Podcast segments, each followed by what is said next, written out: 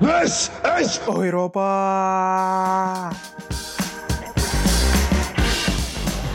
Good choice. Oh, sensational!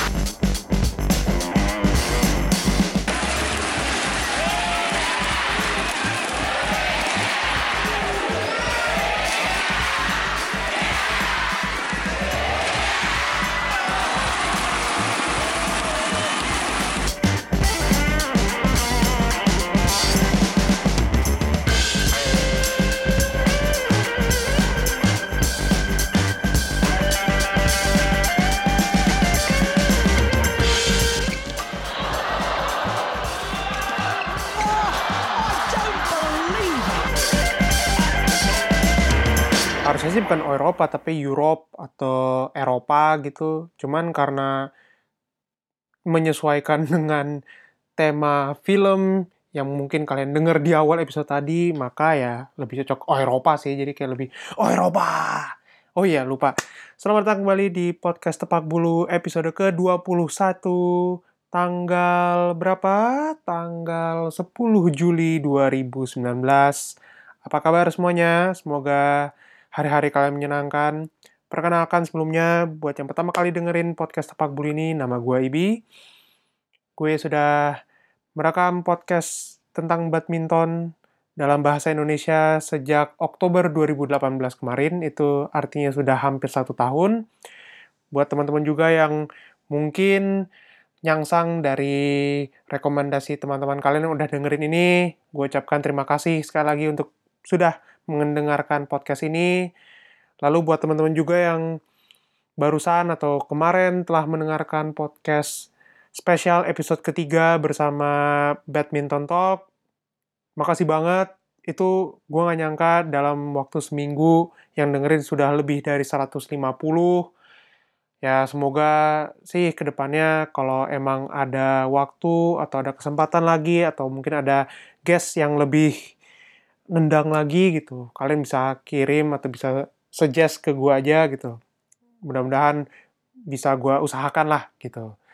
Tanpa berburu lama-lama, eh, hari ini sesuai artwork, sesuai judul, kita akan ngebahas badminton dari sisi Eropa.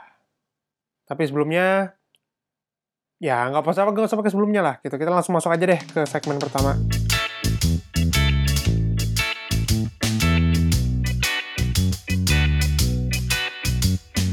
Sebenarnya gue tidak akan bilang segmen pertama apa, segmen kedua apa, cuman mungkin memisahkan saja supaya kalian nggak bosan atau kalian bisa pause dulu ketika dengerin podcast gue. Dan karena kemarin, atau lebih tepatnya hampir dua minggu yang lalu, ada European Games, yaitu kurang lebih Olimpiade versi Eropa, atau kalau di kita Asian Games lah. Ekuivalennya kurang lebih baru barusan aja diadain. Dari tanggal 24 Juni sampai tanggal 31 kemarin. Dan gua rasa itu menjadi apa ya itu pertama kalinya gue nonton European Games karena memang ini adalah edisi kedua dari European Games. Dan jujur aja gue merasa bahwa gue melihat badminton dari sisi Eropa sendiri sudah maju sangat pesat ketimbang mungkin lima tahun yang lalu atau 10 tahun yang lalu lah. Kalau kasarannya kita boleh apa kita boleh tarik lagi ke belakang. Dan kalau kita tarik lagi ke belakang gitu kan pengen dong. Kenapa sih apa orang Eropa sekarang udah mulai gemar sama badminton gitu? Wah udah mulai bahaya nih. Kita udah nggak bisa ngeremehin pemain-pemain dari Eropa lagi di turnamen-turnamen yang diikutin oleh pemain kita gitu. Dan sebenarnya kita akan tarik lagi sejarahnya ketika tahun 20-an di Denmark. Dulu sebelum badminton menjadi berkembang menjadi olahraga yang pesat ol- olahraga yang form dan form atau apa ya gue bilang ya format sekarang gitu. Dulu itu badminton ditarik lagi pada tahun 1925 itu pertama kali dengar diperkenalkan badminton di Denmark. Yang tentu saja kalian sudah pasti tahu bahwa Denmark adalah em, salah satu apa ya bukan salah satu sebetulnya negara terbaik lah dari sisi badmintonnya. Meskipun olah- olahraga badminton sendiri sebetulnya sangat disayangkan masih belum seterkenal olah olahraga yang lain, tipikal lah di Eropa yang emang gemarnya tuh nonton bola. Tapi ya Denmark ketika diperkenalkan olahraga seperti itu yang dibawa dari Inggris, lalu kemudian bla bla bla bla mempelajari apa segala macam. Akhirnya pun juga Denmark pada tahun 50-an ketika zaman-zaman turnamen di Eropa yang paling bergengsi dan sampai sekarang masih bergengsi banget sih itu adalah All England. Akhirnya Denmark mulai mengikuti dan sampai sekarang Denmark adalah menjadi negara kedua yang eh, memperoleh atau meraih gelar All England terbanyak setelah Inggris tentunya yang sudah mengadakan turnamen ini kurang lebih hampir 100 tahun lah. Dan Denmark ini memang sudah dominan sejak tahun 50-an, namun olahraga badminton itu sendiri baru ada asosiasi resminya itu di Eropa ketika tahun 1967.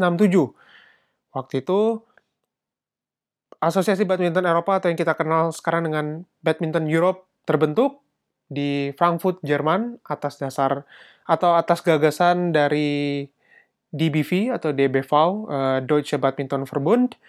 Dan sampai sekarang maka inilah yang kalian lihat asosiasi kalau misalnya kalian suka lihat misalnya turnamen-turnamen diadain di Eropa pasti biasanya uh, langsung dibawahi oleh Badminton Europe gitu. Nah, Eropa sebetulnya sudah mengenal cukup lama juga olahraga badminton ini, bahkan istilahnya mereka bisa mendokumentasikan sejarah pertama kali terbentuknya atau pertama kali eh, badminton dimainkan tuh di masing-masing negara seperti apa, terutama di Inggris yang memang sudah punya All England yang lama, Denmark yang sudah mulai mengembangkan badminton mereka semenjak 1925 sampai sekarang mereka yang menjadi negara terbesar. Dan meskipun begitu tetap aja gue sendiri dari gue sendiri pribadi pun karena gue dari Indonesia ya jadi gue merasa bahwa olahraga ini masih belum seterkenal yang um, gue pengen. Dalam artian adalah bahwa orang-orang tahu apa badminton seperti apa kemudian pemain-pemain terkenal siapa aja. Sampai sekarang di mana gue tinggal saat ini di Jerman itu badminton masih menjadi olahraga yang nomor sekian lah gitu. Artinya orang tahu oh iya gitu, lu main badminton gitu. Tapi kayak mereka tidak begitu ngikutin banget bahwa oh ada turnamen ini, oh ada kejuaraan dunia, oh ada ini um, awarenessnya masih kurang aja untuk olahraga badminton di Jerman ini. Tapi di sisi lain, kalau kita tanya um, atau kita lebih apa ya spesifik lagi subjeknya atau sampelnya, lah statistik kita persempit uh, sampel kita menjadi anak-anak mahasiswa atau pelajar gitu ya. Mereka pasti tahu badminton itu apa dan mereka pasti pernah main. Baik main cuma sekali atau main yang sekedar hobi kayak gue misalnya atau bahkan yang masuk klub pun juga pasti tahu. Dan olahraga ini secara mengejutkan menjadi olahraga yang paling terkenal di antara para mahasiswa atau para pelajar. Kenapa begitu? Um, sebenarnya gue udah pernah jelasin ini um, soal di episode kelima dulu uh, soal perbandingan badminton dengan tenis bahwa badminton itu sebenarnya unggul di accessibility atau bisa dibilang um, badminton itu lebih terjangkau, lebih bisa dimainkan sepanjang tahun ketimbang tenis yang kadang ketika udah mulai masuk musim dingin itu belum tentu kita bisa main di luar meskipun ya banyak juga lapangan indoor tenis di Jerman terutama dan bahkan ya bisa dibilang tenis masih jauh lebih terkenal dari segi exposure.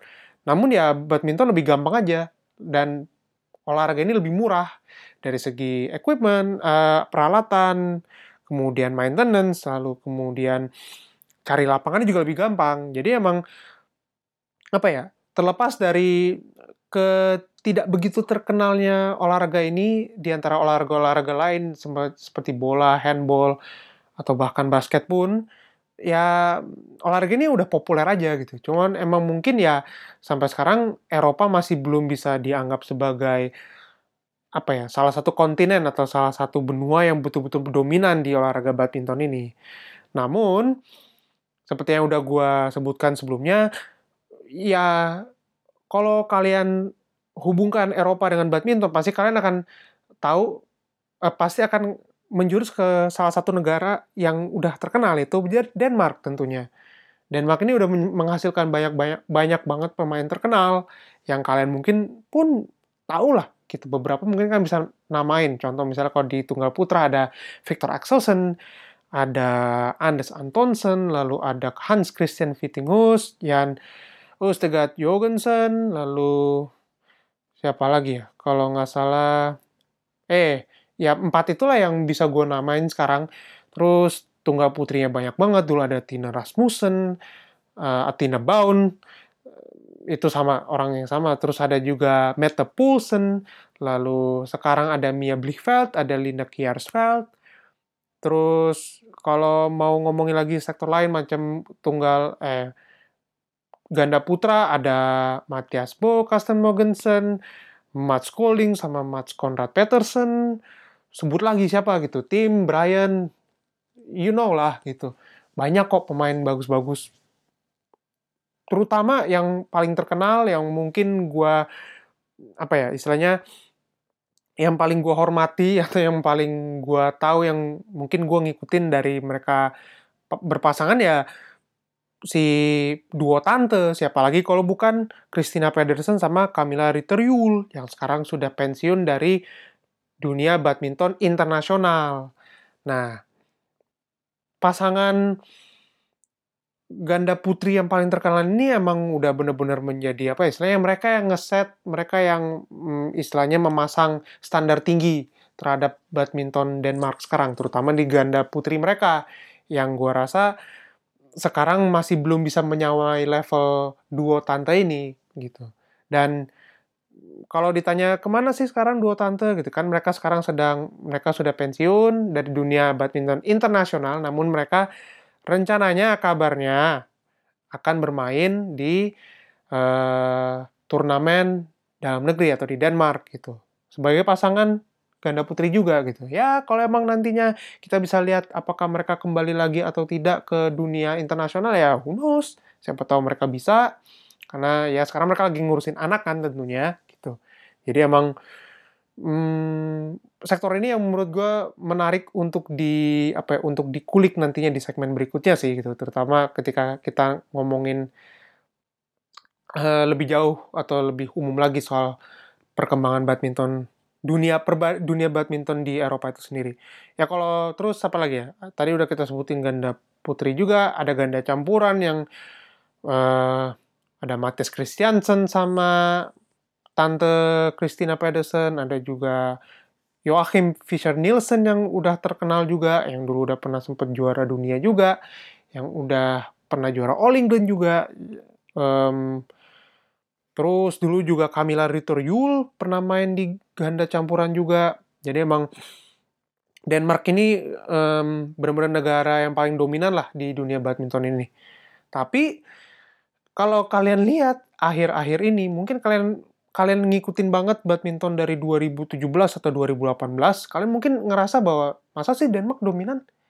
Apa setahu ini sejauh gue, gue malah lebih banyak ngelihat juara-juara dari luar Denmark. Nah, penasaran kan gitu? Langsung aja deh, kita masuk ke segmen kedua.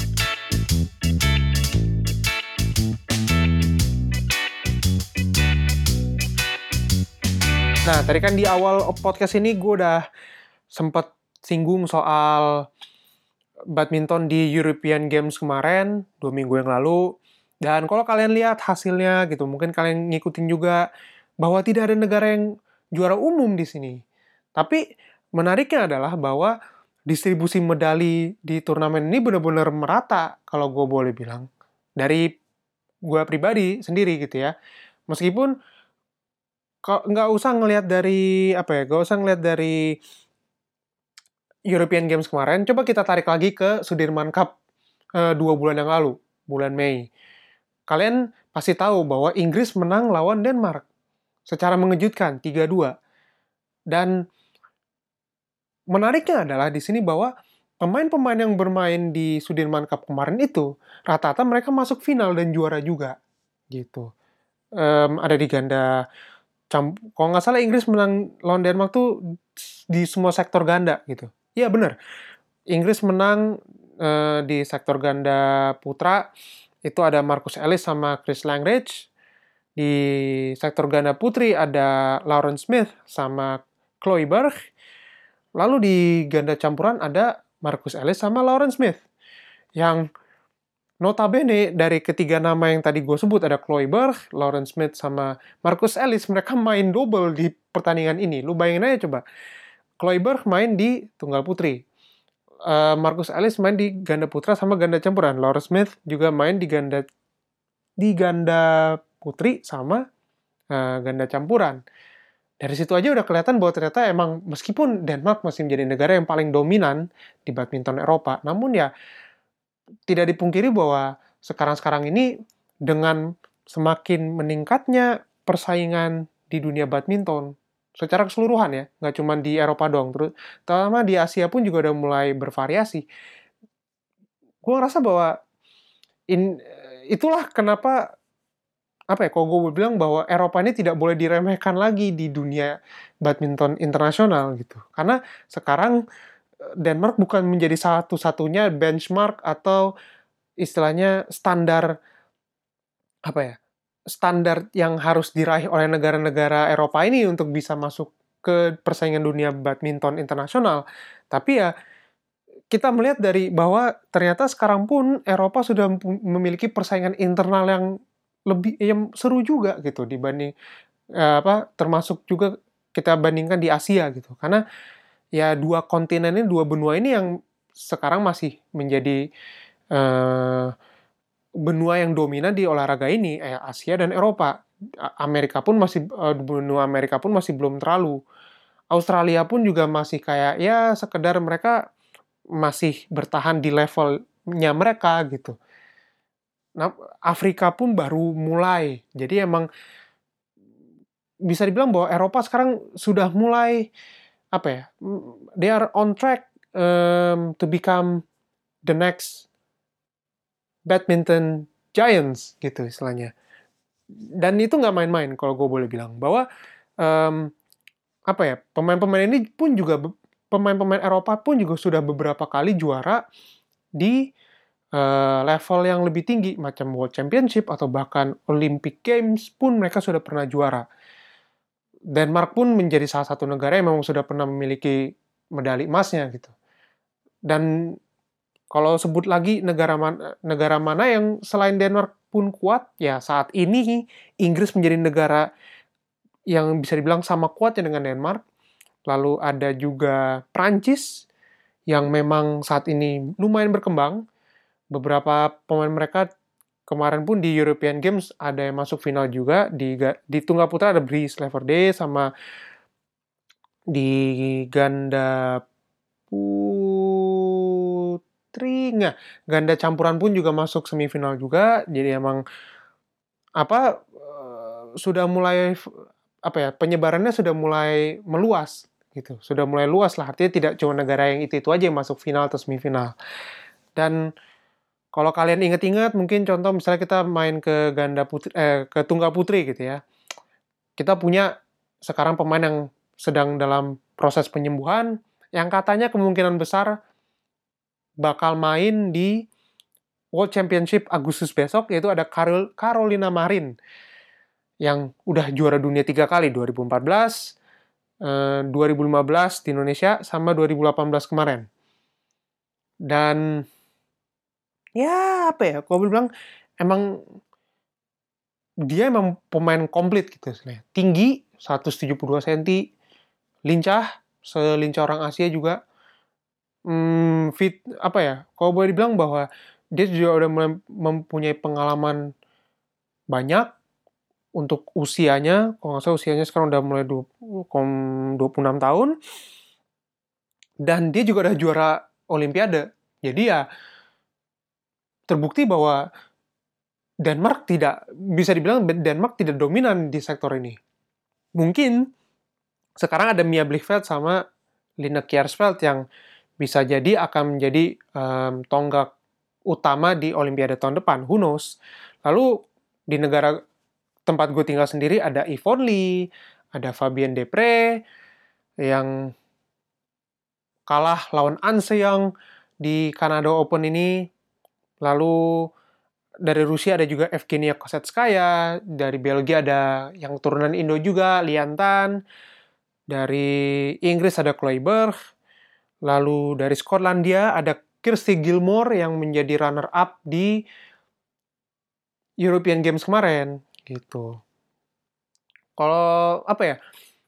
Ini sambil apa ya? Sambil re, sambil rekap European Games kemarin ya gitu. Istilahnya di sektor tunggal putri ini, sektor tunggal putri ini emang sebenarnya prediksi gue kemarin itu adalah Mia Blichfeld yang akan menang karena emang buat gue sendiri Mia Blichfeld emang lagi bagus-bagusnya tahun ini. Jadi paling tidak prediksi gue tepat untuk sektor ini. Meskipun Christy Gilmore pun juga menjadi favorit karena dia kalau nggak salah unggulan ketiga apa kedua lupa gue intinya um, apa ya kalau boleh dibilang bahwa persaingan tunggal putri di Eropa akan menarik sekali gitu dari segi apa ya mungkin jambak-jambakannya terutama ketika di turnamen-turnamen yang di apa ya, bisa dibilang yang tempatnya di Eropa bukan di Asia gitu di Asia udah lebih banyak lagi lah apa variabelnya lebih banyak lagi gitu.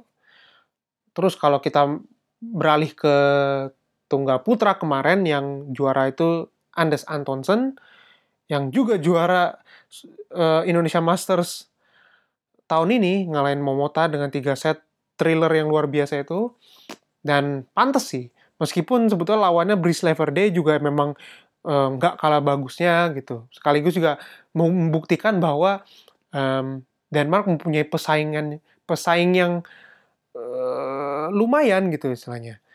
Dan kalau lihat European Games 4 tahun yang lalu pun juga yang juara bukan Denmark, tapi Pablo Abian dari Spanyol. Nah, jadi kan emang terbukti bahwa Eropa sudah dari dulu memang mempunyai persaingan internal yang seru juga, meskipun ya Denmark masih dominan 4-5 tahun yang lalu lah gitu. Dan sektor tunggal putra ini sendiri ya saat ini yang masih dominan adalah Axelsen. Udah pernah juara um, dunia juga 2017 kemarin sama udah dapat um, medali perunggu juga di Olimpiade 2016 kemarin gitu.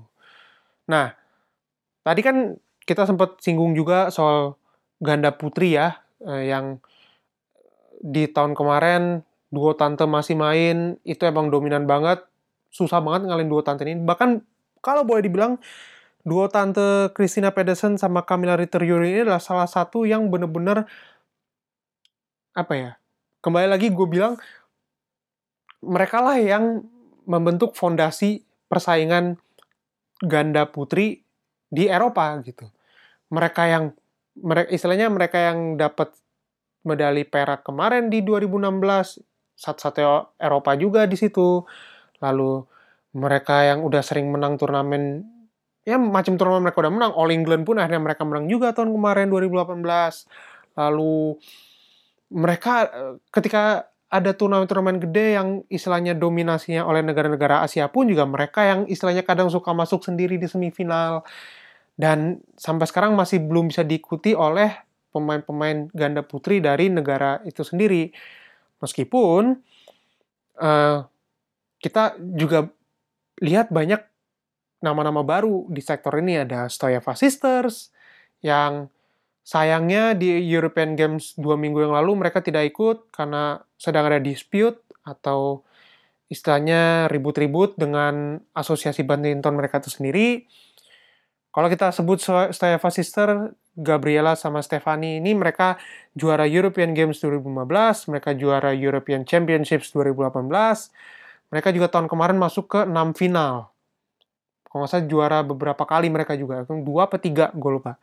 Intinya, Stoyeva Sisters ini, meskipun dari segi permainan mereka yang klasik banget, yang banyak rally panjang, kemudian mainnya lebih sabar, tapi emang menurut gue menjadi apa ya paling tidak salah satu pasangan selain duo tante lah yang bisa masuk ke yang bisa merengsek ke apa ke babak-babak selanjutnya gitu. Lalu ada Kloiber sama Lauren Smith yang kemarin dapat medali perak setelah kalah lawan pasangan Belanda yaitu Cheryl Synan sama Zelana Piek.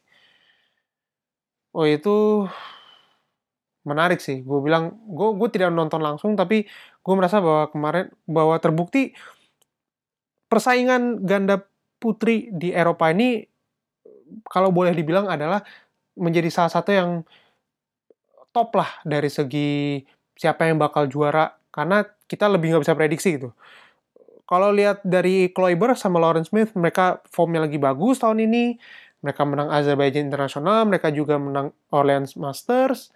Uh, tahun kemarin penutup apa turnamen penutup mereka juga menang di Ceko terbuka. Jadi emang ya nggak bisa istilahnya mereka lagi on fire banget lah gitu. Mereka juga menangkan kemarin lawan Denmark di Sudirman Cup kemarin juga di European Games ini di group stage mereka menang juga lawan Maiken Freud sama Sarah Tuesen gitu.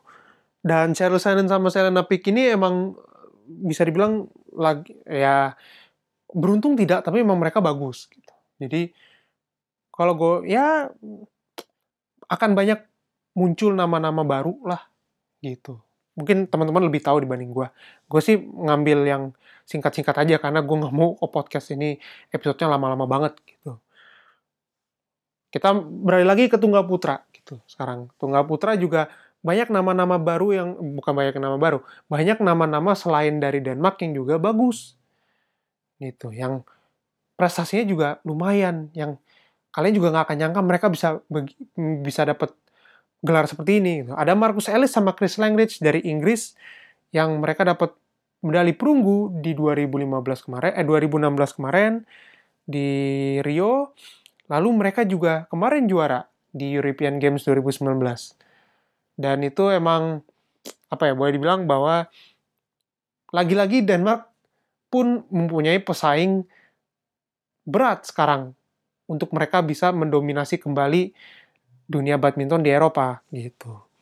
Tapi kita juga pernah lihat kalau kalian pernah nonton juga All England pastinya ada yang pernah juara juga dari Eropa dan itu bukan Denmark ataupun Inggris tapi dari Rusia. Ada Vladimir Ivanov sama Ivan Sozonov.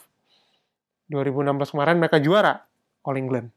Dan mereka sampai sekarang menjadi salah satu pasangan ganda putra yang tidak bisa diremehkan tentunya uh, terutama di skena badminton Eropa. Ada juga pemain dari Belanda macam Yelema sama Robin Tabeling. Dari Jerman pun ada Marvin Seidel sama waduh gue lupa satu lagi siapa. Itulah intinya. Banyak banyak kok pemain-pemain dari negara selain Denmark pun yang istilahnya apa ya tidak bisa diremehkan istilahnya tidak bisa dikasih sebelah mata lagi gitu.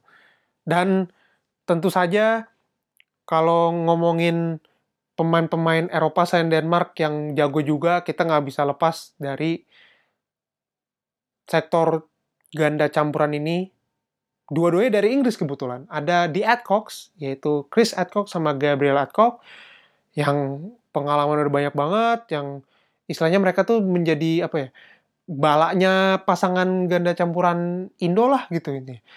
Jarang apa sering banget kita kalah sama pasangan Pasutri ini jadi uh, kalau gue tidak perlu berkata-kata lagi di Adcox ini emang sudah menjadi pasangan yang paling apa ya paling terkenal lah gitu di Eropa sama Marcus Ellis dan Lauren Smith yang kebetulan juga juara di European Games kemarin 2019 mereka dapat gold setelah ngalahin si Pasutri Adcox ini gitu dan apa ya kembali membuktikan bahwa justru Inggris mendominasi di turnamen apa di European Games kemarin dengan apa ya dengan seat 1 dan seat 2 atau unggulan pertama dan unggulan kedua justru bukan dari Denmark tapi dari Inggris gitu. Jadi apa ya? Kalau boleh dibilang Inggris unggul di sektor ini gitu. Tapi kita juga uh, lihat selain dari Inggris pun ada dari Jerman ada Marvin Seidel sama Isabel Hetrich Lalu juga ada Roman Gikel sama Audrey Mittelheiser kalau nggak salah namanya dari Prancis. Kita juga tahu ada yang dari Swedia gue pernah lihat. Lalu siapa lagi ya? Oh, Ben Lane sama Jessica Pugh juga dari Inggris, Inggris. Lalu Maggie bersaudara, Chloe sama gue lupa pokoknya intinya um, keluarga Maggie dari Irlandia pun juga terkenal juga di Eropa. Jadi emang kalau boleh dibilang bahwa apa ya um, membahas pemain Eropa tuh sama serunya dengan bahas main Asia kok gitu.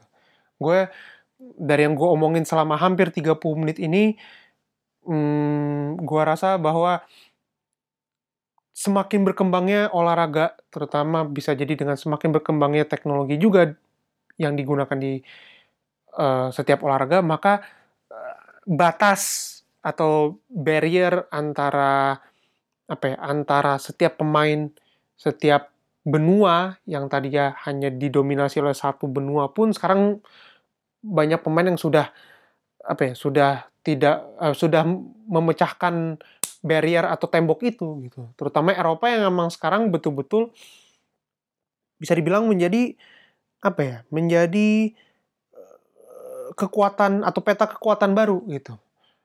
Meskipun badminton Asia, eh, meskipun badminton ini masih menjadi olahraga yang Asia sentris ya, namun kita tidak bisa kita tidak apa ya, sudah tidak bisa lagi hmm, istilahnya mengeluarkan Eropa dari persamaan. Ini biasa matematikanya adalah mengeluarkan Eropa dari persamaan yang ada sekarang gitu. Artinya sekarang bahwa Eropa sudah menjadi satu entitas atau menjadi uh, masuk ke dalam hitungan gitu. Dan di World Championship World Championship bulan besok Agustus yang akan diadakan di Swiss di Basel, kita akan lihat sendiri gitu. Apakah Asia masih menjadi negara yang dominan kah? Ataupun bahkan bisa jadi Eropa sudah mulai berani mengambil dominasi dari badminton Asia itu sendiri. Itu pertanyaan yang akan gue sampaikan, eh bukan yang akan gue sampaikan, itu pertama pertanyaan yang gue kasih ke kalian sebagai pendengar, ke teman-teman semua yang mendengarkan ini. Kalau kalian mendengarkan episode ini sampai akhir, terima kasih sudah mendengarkan. Kalau dari pertanyaan tadi kalian bisa jawab, bisa mention aja tepak bulu di at bulu tepak atau bisa DM atau bisa follow juga tepak bulu di Instagram at podcast tepak bulu. Kalau ada mau kirim email, kritik saran juga bisa ke email kita at podcast.tepakbulu at gmail.com. Terima kasih sekali lagi sudah mendengarkan episode ke-21 hari ini. Semoga hari-hari hari-hari kalian menyenangkan dan sampai jumpa di episode selanjutnya. Assalamualaikum warahmatullahi wabarakatuh. Tcharam!